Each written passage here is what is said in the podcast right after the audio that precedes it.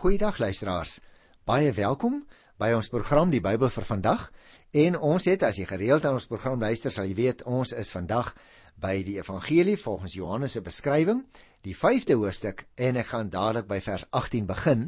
Die opskrif van hierdie klein perikoop is Die seun maak lewend. Ek wil miskien net eers oorsigtelik sê in hierdie uh, gedeelte tot die einde van die hoofstuk identifiseer die Here Jesus homself baie duidelik met God die Vader. Die Fariseërs moet ons onthou, het net soos Jesus ook na God as hulle Vader verwys. Maar hulle het besef dat Jesus aanspraak maak op 'n unieke verhouding met hom. En die beklemtoning van die verhouding tussen die Vader en die Seun is een van die unieke kenmerke juis van die Johannes Evangelie. Die Fariseërs kon dus een van twee dinge doen.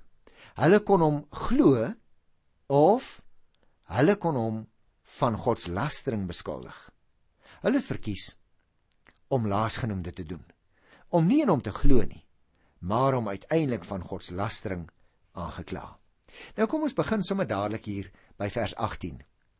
Hieroor Nou ja, as ek miskien net kan sê die hieroor, jy sal onthou in die vorige gedeelte het dit gehandel oor die genesing van die man by die uh, bad van Bethesda en dat uh, die Here Jesus toe gesê het, "My Vader werk tot nou toe" in vers 17 en ek werk ook. En daardie gedagte van my Vader was juis die ding wat hulle vies gemaak het. Daarom het ek dit nou nou verduidelik. Nou staan hier in vers 18: Hieroor het die Jode nog des te meer probeer om Jesus dood te maak. Hy het nie net die Sabbatdag ontheilig nie, maar God ook sy eie Vader genoem en hom so met God gelykgestel. Nou wil ek sê, weer eens waarmee ek die inleiding begin het, dit kom dikwels in die evangelie voor dat Jesus hom baie duidelik identifiseer met die Vader, maar die Jode beleef die hele gedagte natuurlik glad nie goed nie. Volgens hierdie teks hier in vers 18 het die Joodse godsdienstige leiers alreeds by implikasie 'n komplot gesmee om Jesus dood te maak en sy huidige aansprake maak hulle nou nog meer vasbeslote om hulle voorneme deur te voer.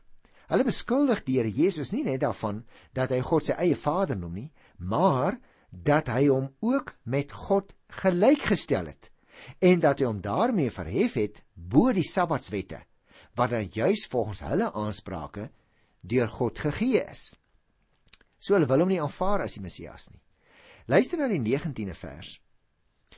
Toe het hy hom verweer en vir hulle gesê: "Dit verseker ek julle, die seun kan niks uit sy eie doen nie.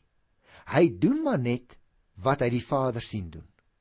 Wat die Vader ook al doen, doen die seun ook net so." nou luisteraars, ek dink hulle hare moes regop gestaan het, want in die volgende vers verklaar die Here Jesus sy eenheid met die Vader.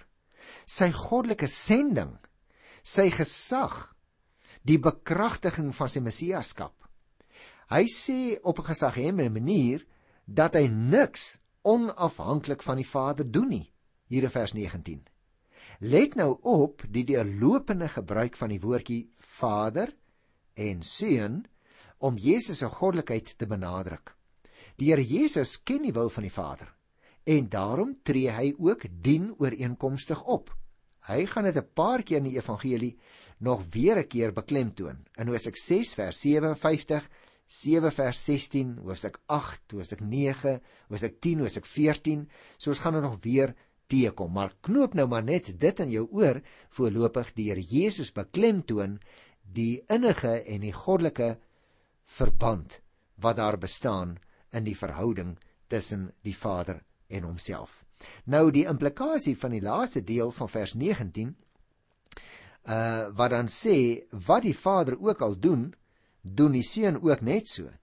Is dat die gesag waarmee Jesus werk en onderrig niks anders is nie as die gesag van God en hy maak daarvan geen geheim nie.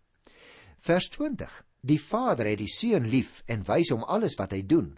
En hy sal hom nog groter dade as hierdie wys, sodat julle verbaas sal staan.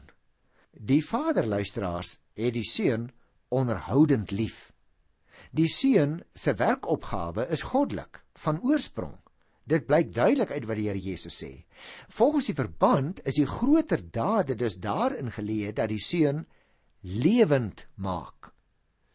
En dis vir ons baie belangrik. maar dat hy ook oordeel. Ons gaan dit nou nou weer sien in vers 21 en 22. Kom ek lees uh dit miskien maar dadelik. By vers 21 staan daar en ek gaan eers 20 se laaste stukkie herhaal. Hy, dit is nou die Vader, sal hom, dit is die Seun, nog groter dade as hierdie wys sodat julle verbaas sal staan soos die Vader die dooies opwek en lewend maak so maak die seun ook lewend wie hy wil. Jy sien daar sê die Here Jesus dit baie duidelik nou moet ons onthou en ons gaan dit nog teekom uh, in Johannes 6 hoe dat die Bybel leer dat aan die einde by die wederkoms van die Here Jesus gaan die Vader alle mense laat opstaan gelowiges en ongelowiges. Soos weet die Vader laat mense opstaan, maar die Here Jesus het ook in sy aardse opwandelinge, byvoorbeeld vir Lazarus wat dood was, laat opstaan. Waarin is duidelik aan sien luisteraars hoe dat die, dit wat die Vader doen en dit wat die Seun doen is dieselfde. Die Vader wek dooies op en maak lewend. Gaan kyk maar ook byvoorbeeld in Deuteronomium 32 vers 39 of 1 Samuel 2 vers 6. En daarmee stem sy luisteraars, die Jode wat rondom die Here Jesus staan, natuurlik saam. En dan die verrassende. Jesus maak ook gesond. Die Seun wek menselewens op tot 'n nuwe geestelike lewe op hierdie stadium. Luister na vers 22. Self veroordeel die Vader niemand nie, maar die oordeel het hy geheel en al aan die Seun oorgelaat. O, luisteraars, die Jode het natuurlik gemeen dat God, die Vader, die regter van alle mense is en hy verwag om by die finale oordeel voor hom te verskyn. Die Here Jesus het gekom om die ewige lewe wat die mens deur geloof deelagtig word vir mense te gee. Hy bring egter ook oordeel vir diegene wat die aanbod weier. Die oordeel word dus alreeds hier in die hede voltrek. Weereens, die eenheid van Vader en Seun word hier baie sterk beklemtoon. En as die Here Jesus dan nou sê dat die Vader die oordeel aan die Seun oorlaat, dan vereenselwig hy homself daarmee met die Vader en het die Jode seker woedend geword, want hulle het geoordeel dat dit die Vader is wat oordeel. So het hulle dit verstaan. En nou sê die Here Jesus dat hy die een is wat oordeel. Luister na vers 23. Daarom moet almal die seun eer net soos hulle die Vader eer. Wie die seun nie eer nie, eer ook nie die Vader wat hom gestuur het nie. Jy sien, om nie die seun te aanvaar en te eer nie, is om die Vader wat hom gestuur het te verwerp. Nou vir die Jode was dit natuurlik vreemd om die mens Jesus wat homself seun van God noem te eer soos wat 'n mens die Vader moet eer. En daarom dink ek moes hulle baie baie geskok gewees het om die minste daarvan te sê oor die aansprake van die Here Jesus want hulle wil sy gesag nie aanvaar nie daarom is die dinge wat hy sê vir hulle totaal onaanvaarbaar.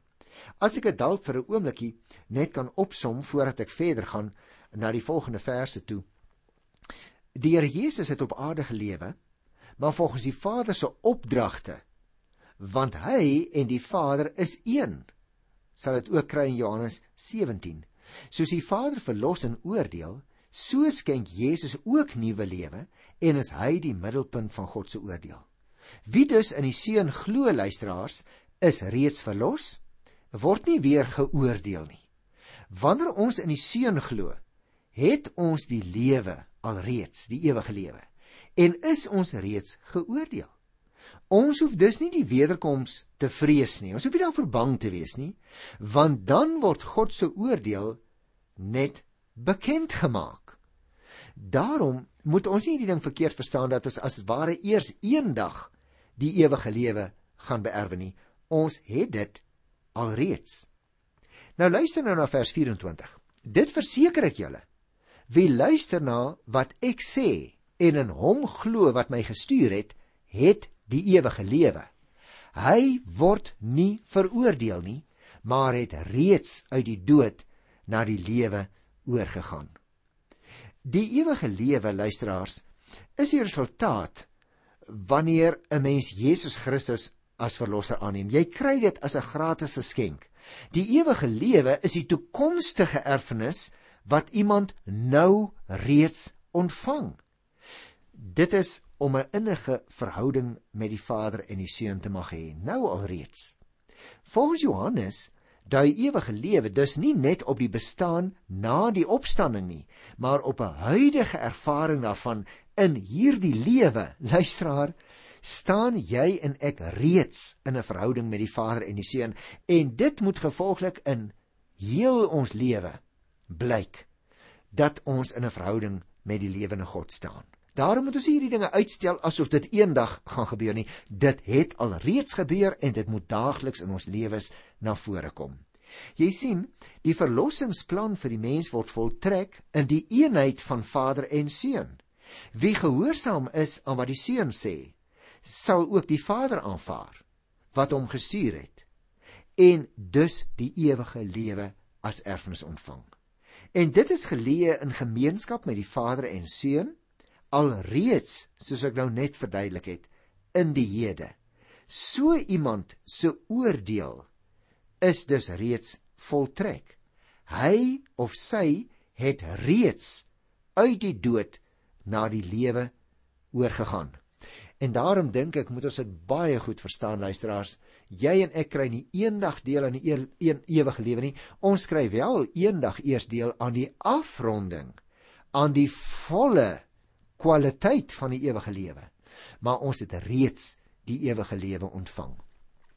Nou gaan die Here Jesus nog verder en hy beklemtoon wanneer hy sê ek verseker julle daar kom 'n tyd en dit is nou wanneer die dooies die stem van die seun van God sal hoor en die wat daaraan gehoor gee sal lewe.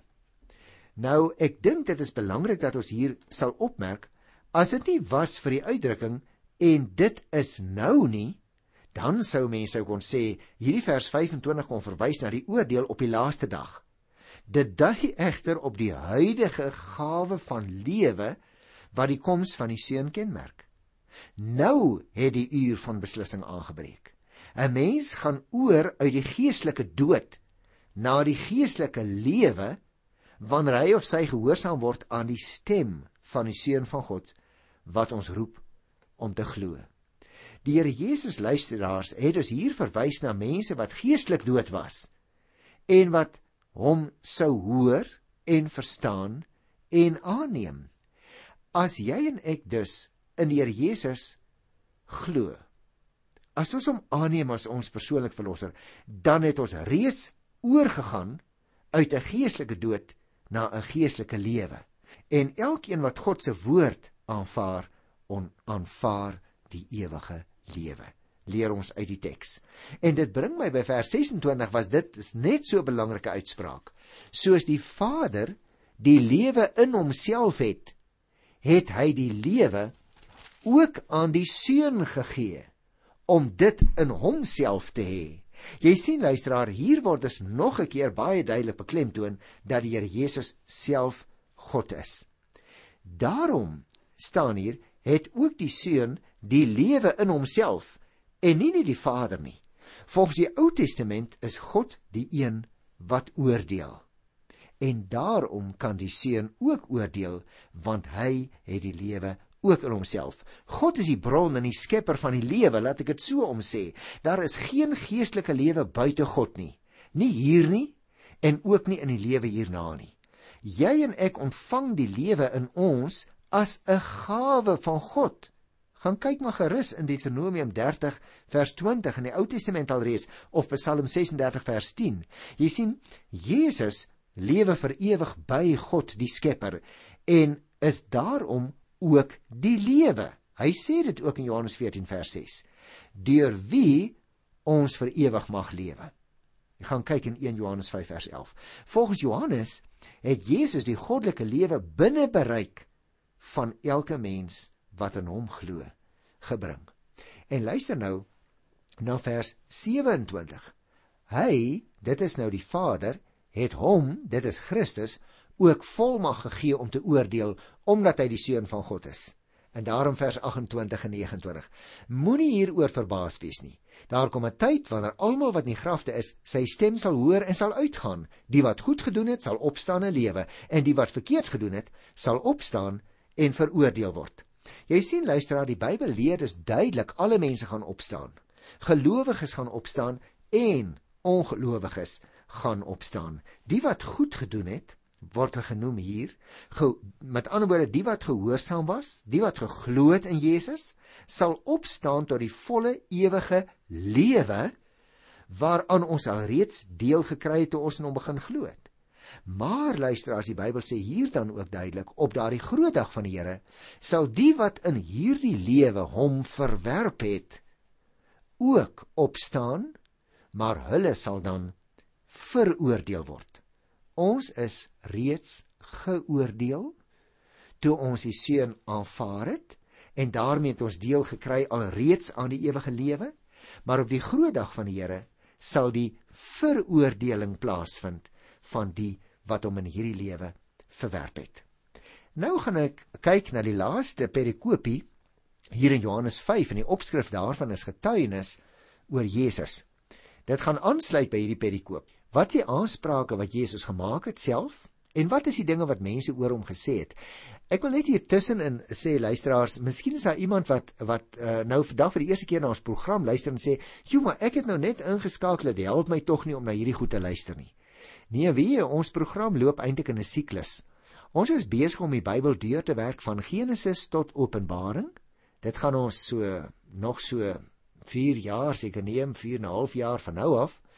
En dan uh, as al die programme uitgesaai is, dan gaan ons dit weer begin uitsaai. Met ander woorde, al klim jy vandag op die bus en jy het nou die eerste gedeeltes gemis uit die Ou Testament en die Nuwe Testament, dan maak dit glad nie saak nie. Jy kan die res wat ons doen uit die Ou Testament en die Nuwe Testament saam met ons op die bus wees en jy gaan net aan met die siklus. Dit is soos 'n bus wat al in die rondte ry.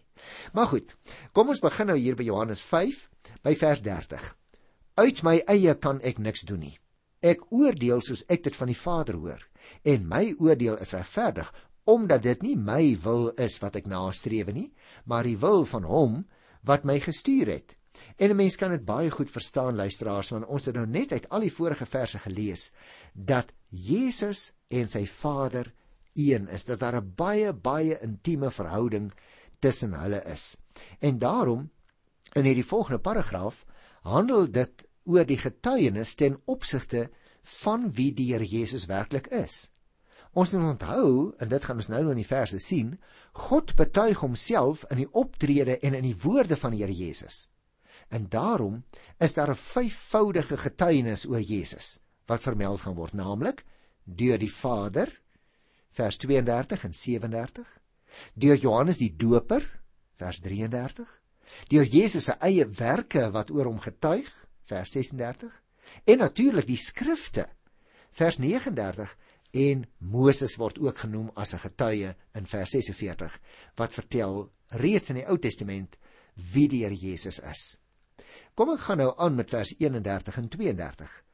As net ek oor myself getuig, is my getuienis nie geldig nie. Né? Dit is mos soos jy en ek. Ons kan mos nie goeie dinge oor onsself sê nie. Ons moet hoor, sê die ander dit ook. Daarom interessant sê die Here Jesus in 31 as ek net oor myself getuig is my getuienis nie geldig nie daar is ook iemand anders wat oor my getuig en ek weet dat die getuienis wat hy oor my aflê waar is oor iemand se eie getuienis mag daar miskien nog vrae opduik luisteraars. Maar volgens Ou Testamentiese bepalinge, byvoorbeeld Deuteronomium 19 vers 1, is 'n saak geldig en staan dit vas wanneer dit deur 2 of 3 getuies bevestig word. En dit is waarna die Here Jesus nou hier ook verwys. Jesus bedoel dus nie dat sy eie getuienis onware is nie, hoor, maar hy beklemtoon dat op grond van sy eenheid met die Vader die Vader deur hom getuig en dat die Vader se getuienis waar is. Die Jode aanvaar immers God se getuienis. Waarom dan nie ook sy eie getuienis?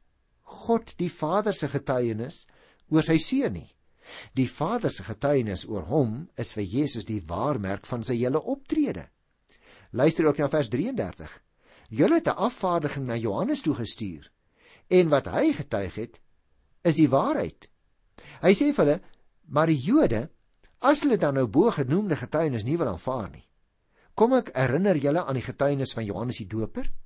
Die Jode het immers die geleentheid gehad om die waarheid van Johannes ook te hoor, want hy was 'n betroubare getuie. Luister vers 34.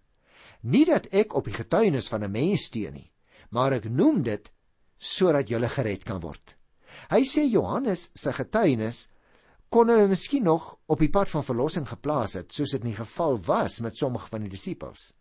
Maar in vers 35 gaan hy nog selfs verder. Hy, dis nou Johannes, was die lamp wat gebrand en geskyn het, en julle was gewillig om julle 'n rukkie in sy lig te verheug. Die Here Jesus sê met ander woorde vir hulle, Johannes se getuienis is egter nou verby. Hy was soos 'n sigbare lamp wat lig verskaf het. En die Joodse godsdienstige leiers het ook eenmaal nuuskierig en met verwagting 'n rukkie staan daar na Johannes die Doper se boodskap gaan luister om te hoor of hy nie miskien die profeet van God is wat sou kom nie. Maar hulle het die essensie van sy getuienis nie aanvaar nie. So wat het dit nou gehelp? Dat hulle na hom gaan luister het. Nou in vers 36 gaan die Here Jesus voort en hy sê: "Maar ek het getuienis wat nog gewigtiger is as die van Johannes. Die werk wat die Vader my gegee het om te voltooi en waarmee ek juis nou besig is, lê oor my getuienis af. Hy sê vir hulle: "Hoor hier, maar wat nie voor in die Ou Testament voorspel is oor wat die Messias sal doen as hy kom, dit sien julle dan nou ek doen dit. So ek bevestig wat die skrifte sê. Waarom wil julle dit dan nou nie glo nie. Hy noem dus vir hulle een getuienis na die ander op om te kyk kan hy hulle oortuig. Maar hulle wil natuurlik nie oortuig word nie. Luister na vers 7 en 38, hoe sterk is dit? En die Vader wat my gestuur het, het ook oor my getuienis afgelê. Sy stem het julle nog nooit gehoor nie, sy gestalte ook nie gesien nie, en sy woord lewe werklik nie in julle nie, omdat julle nie in die een glo wat hy gestuur het nie. Julle ondersoek die skrif omdat julle dink dat julle die ewige lewe daarin kry. En dit is juis die skrif wat oor my getuig. Tog wil julle nie na my toe kom sodat julle lewe, die ware lewe kan kry nie. En luisteraar, dit is my wonderlik dat dit hier staan. Want daarmee beklemtoon die Here Jesus nie net wie hy is nie, maar juis dit wat in die skrif staan. As daar dus in ons tyd vrae is oor die gesag van die skrif, Ou en Nuwe Testament, dan is hierdie vir ons 'n baie baie belangrike uitspraak. Ons aanvaar Jesus as die woord. Ons aanvaar die woorde wat Jesus gesê het en wat aangeteken is in die Nuwe Testament. En as ons dus die woorde nie aanvaar nie, aanvaar ons ook nie vir God wat vir Jesus gestuur het nie. Dit is die argument wat hy eers hier voer. Maar die Jode wil natuurlik nie graag oortuig word nie. En daarom wil ek afsluit met die laaste 3 verse. Moenie dink dat ek julle by die Vader sal aankla nie. Dit is Moses op wie julle hoop gefestig is wat vir julle aankla. As julle Moses geglo het, sou julle my geglo het, want hy het van my geskrywe. Maar as julle sy geskrifte nie glo nie, hoe sal julle my woorde glo? Deur Jesus maak hier 'n baie baie skerp uitspraak en daarom wil ek ten slotte daarby stil staan. Jy sien, die Fariseërs het daarop geroem dat hulle getroue volgelinge van 'n voorvader Moses was. Hulle het immers elke wet wat hierom neergeskryf is tot in die fynste detail nagevolg en sommer nog 'n hele klomp ander interpretasies ook daaraan byvoeg. Hulle was waarskynlik woedend oor die Here Jesus se opmerking dat Moses hulle sou aankla. O, oh, as hulle maar net Moses se geskrifte met die regte perspektief gelees en geglo het, dan sou hulle ook die Here Jesus aanvaar het. Gaan kyk maar in Deuteronomium 31 vers 19. Jy sien luisteraar, die Jode was trots op hulle kennis van die skrif, maar die Here Jesus wou daardie kennis in perspektief plaas. Daarom moet jy en ek ook baie versigtig wees dat ons baie kennis het van die skrif, maar ons glo nie in hom van wie die skrif vertel nie. Aanvaar jy die Bybel as die geïnspireerde woord van God? O, luisteraar, dan wil ek vir jou oproep om onvoorwaardelik die getuienis van die skrifte aanvaar. Jesus Christus is God self. Hy het die Vader aan ons kom bekendstel. Buig voor die Vader. Buig voor die Seun onder leiding van die Heilige Gees. Wonderlike wonderlike God. Ek groet jou in sy naam tot volgende keer. Tot dan. Totsiens.